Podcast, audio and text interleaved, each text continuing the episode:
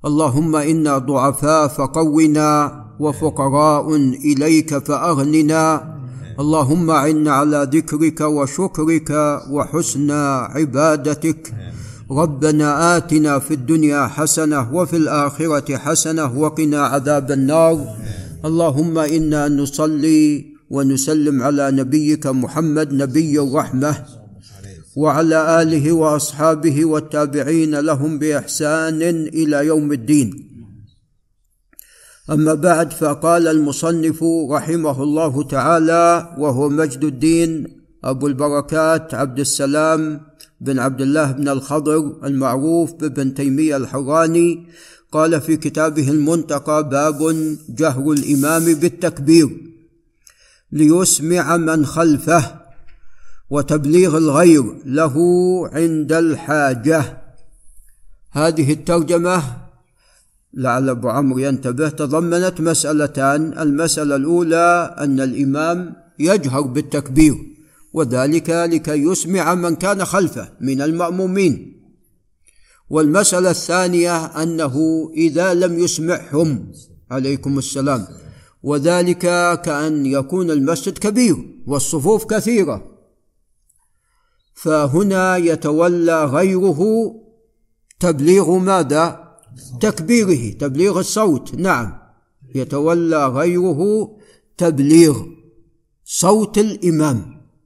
فإذا كبر الإمام فهنا يكبر هذا الشخص. نعم. والله طبعا الحرم الآن لا يحتاج. أي نعم هو موجود. في الحرم نعم هو موجود في الحرم المكي والمدني ولكن الآن لا يحتاج. نعم وذلك نسمع صوت الإمام. فعند عدم سماع صوت الإمام فهنا يتولى أحد المأمومين تبليغ هذا الصوت. قال عن سعيد بن الحارث قال صلى لنا أبو سعيد أي الخدري رضي الله عنه فجهر بالتكبير حين رفع رأسه من السجود. وحين سجد وحين رفع وحين قام من الركعتين. اذا في كل الأركان ما عدا طبعا التسميع. نعم فالتسميع إذا لم يسمع الإمام فمن خلفه يقول ربنا ولك الحمد. نعم قال وحين رفع وحين قام من الركعتين وقال هكذا رأيت رسول الله صلى الله عليه وسلم رواه البخاري وهو لأحمد بلفظ أبسط من هذا. قال وعن جابر رضي الله عنهما اشتكى رسول الله صلى الله عليه وسلم فصلينا وراءه وهو قاعد. وأبو بكر يسمع الناس تكبيره. يسمع الناس تكبيره. نعم. قال رواه أحمد ومسلم والنسائي وابن ماجه. ولمسلم والنسائي قال صلى بنا رسول الله صلى الله عليه وسلم الظهر وأبو بكر خلفه. فإذا كبر كبر أبو بكر. يسمعنا. لأنه كان عليه الصلاة والسلام مريضا ولذا كان جالسا في حال صلاته وتعلمون أن الجالس يكون أيضا صوته أخفض فلذا كان أبو بكر يتولى تبليغ الصوت. قال باب هيئات الركوع للركوع هيئة وقول المصنف هنا والله أعلم هيئات يعني لأن هناك أكثر من أمر في الركوع أن السنة أن يكون الركوع كيت وكيت. فعندنا اولا لعل الشيخ أحمد العتمي ينتبه عندنا اولا الركوع. نعم. فلا يكون الإنسان راكعا حتى تصل يديه إلى ركبتيه. فهنا يكون راكعا. أما إذا وصلت إلى فخذيه فهنا هذا لا يكون راكعا ليس هو حد الركوع الشرعي حد الركوع الشرعي تصل اليدان إلى الركبتان هذا الأمر الأول. الأمر الثاني يبسط أصابعه على ركبتيه كهيئة القابض عليهما. فإذا كان كالقابض لعل الشيخ عدنان ينتبه يكون لابد مفرج ماذا؟ أصابعه. إذا أنت بتقبض على ركبتيك لابد تفرج.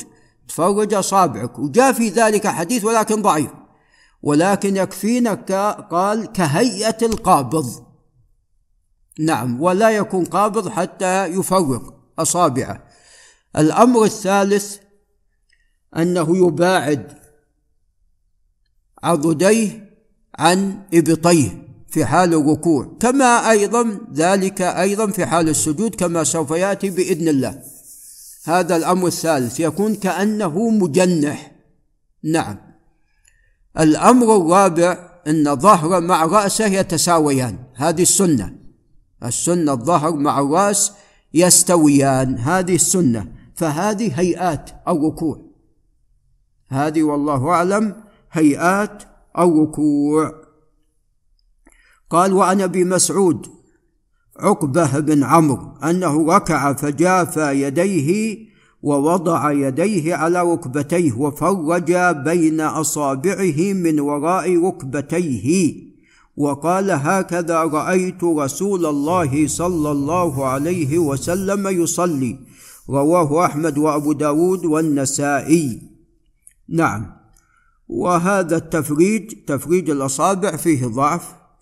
قال وفي حديث رفاعة بن رافع رفاعة بن رافع رضي الله عنه عن النبي صلى الله عليه وسلم وإذا ركعت فضع راحتيك على ركبتيك. قال وعن مصعب بن سعد أي ابن أبي وقاص قال صليت إلى جنب أبي فطبقت بين كفي ثم وضعتهما بين فخذي. طبق بين كفيه ووضعهما بين فخذيه. قال فنهاني عن ذلك وهو في الصلاة. وقال كنا نفعل هذا فأمرنا أن نضع أيدينا على الركب رواه الجماعة. نعم. ولعل نقف عند هنا.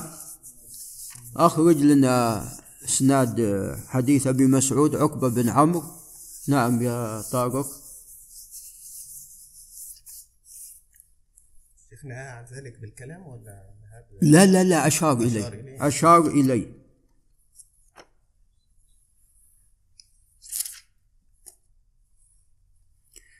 قال حدثنا حسين بن علي عن زائدة أي بن قدام عن عطاء بن السائب عن سالم أبي عبد الله. قال قال عقبة بن عمرو ألا أريكم صلاة رسول الله صلى الله عليه وسلم إلى أن قال ووضع يديه على ركبتيه وفرج بين أصابعه من وراء ركبتيه حتى استقر كل شيء منه. نعم وهذا طبعا فيه يعني زائدة ظاهر سمع من عطاء بعد الاختلاط. وأظن سالم ليس بالمشهور. أخبرنا أحمد بن سليمان الطهاوي إيه. قال حدثنا حسين عن زائدة عن عطاء عن سالم بن أبي عبد الله عن عقبة. إيه هذا هو. هذا هذا هو. مم. إي نعم كالقابض عليهما. أعطنا حديث أبي حميد.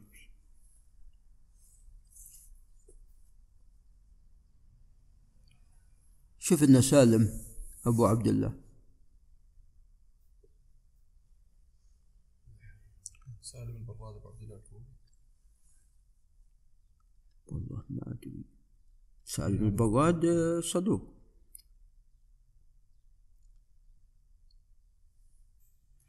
هنا نعم يقول وفرج هنا في حديث في حديث ابي حميد الساعدي وفرج بين أصابعه. هذا ضعيف فيه باللهيعة.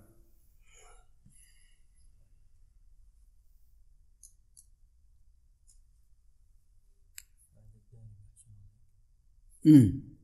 أخبرنا أبو الوليد حدثنا همام عن عطاء بن سالم عن سالم إيه، كل هؤلاء بعد الاختلاط. همام عن بعد الاختلاط. شفنا سالم من هذا؟ سالم.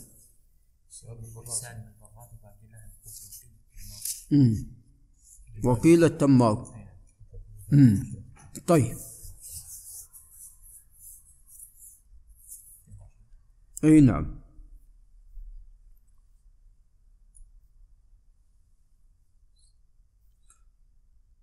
المهم حديث أبي مسعود يعني ليس بال- بالقوي لكن مثل هذا الإسناد يعتبر صالح. من الراوي عن اي أبو عوانة هم بعد الاختلاط. كلهم كلهم بعد الاختلاط. هم؟ كلهم بعد الاختلاط. عليكم السلام. شوف شوف إن حديث رفاعة بن رافع.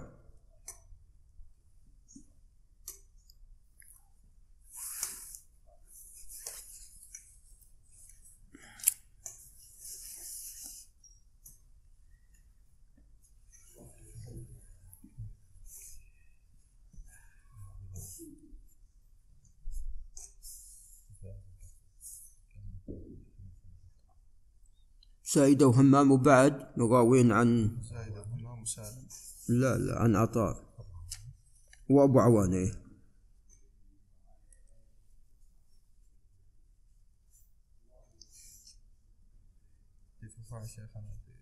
امم إيه قال حدثنا واحد بن بقية عن خالد عن محمد بن عمرو عن علي بن يحيى بن خلاد. امم عن رافع بن رافع بهذا القصة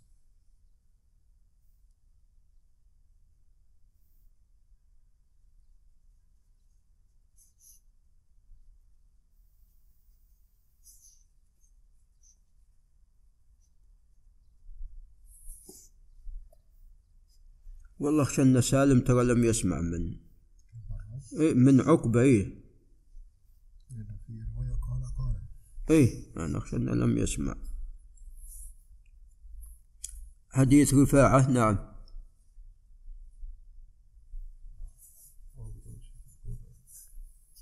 حدثنا حدثنا بن بقية عن خالد عن محمد بن عمرو عن علي بن يحيى بن خلاد عن رفاعة بن رافع بهذه القصة. قال إذا قمت توجه القبلة وهذا نعم إسناد أيضا يعني ليس بالقوي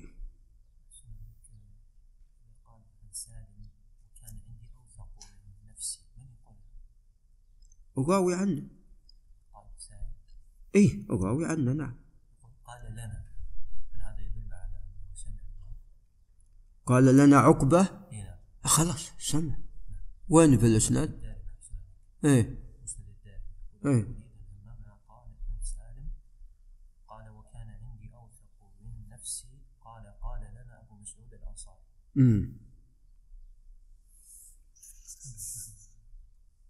سند وإذا ركعت في النار عليك عليك موت البحر هذا له شيخنا أصل من قصة يعني حديث طويل إيه إيه هذا حديث المسيء في صلاته. شيخنا في رسالة البراد يقول دخلنا على أبي مسعود. إيه هذه برواية من؟ في مسند أحمد إيه ما يخالف روايه من؟ عن عطاء أبو عوان إيه امم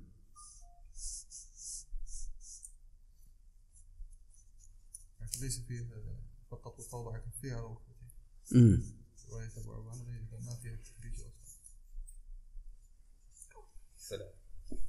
عليكم السلام. دخلنا على أبي مسعود.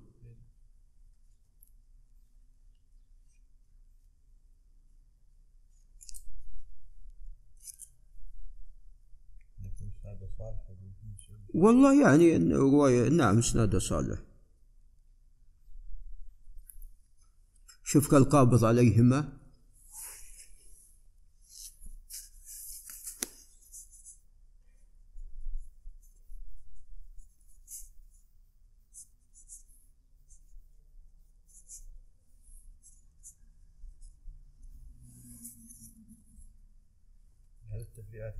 هذا حديث شيخنا إيه. رواية فلسطين سليمان قال الترمذي رحمه الله حدثنا بندار قال حدثنا أبو عامر العقدي قال حدثنا فليح بن سليمان قال حدثنا عباس بن سهل قال اجتمع أبو حميد وأبو سيد امم وسهل بن سعد ومحمد بن مسلمة فذكروا صلاة رسول الله صلى الله عليه وسلم فقال أبو حميد أنا أعلمكم فقال فوضع يديه على ركبتيه كأنه قابض عليهما ووتر يديه ووتر إيه. ووتر يديه نحاهما عن جنبيه فليح عن عباس. نعم. عن أبي حميد. شيخ رواه أبو داود وتكلم عن الحديث. إيه. قال أبو داود روى هذا الحديث عتبة بن أبي حكيم عن عبد الله بن عيسى عن العباس بن سهل. لم يذكر التوضؤ وذكر نحو حديث فليح وذكر الحسن بن الحر نحو جلسة حديث فليح. نعم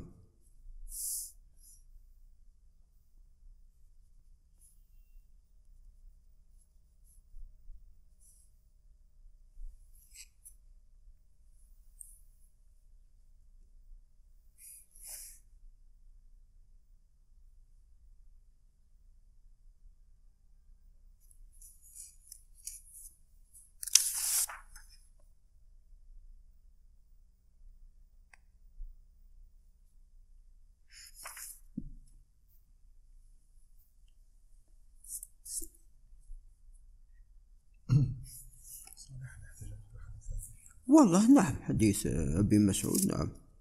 واحد طريق فليح أيضا. يا الله جزاك الله خير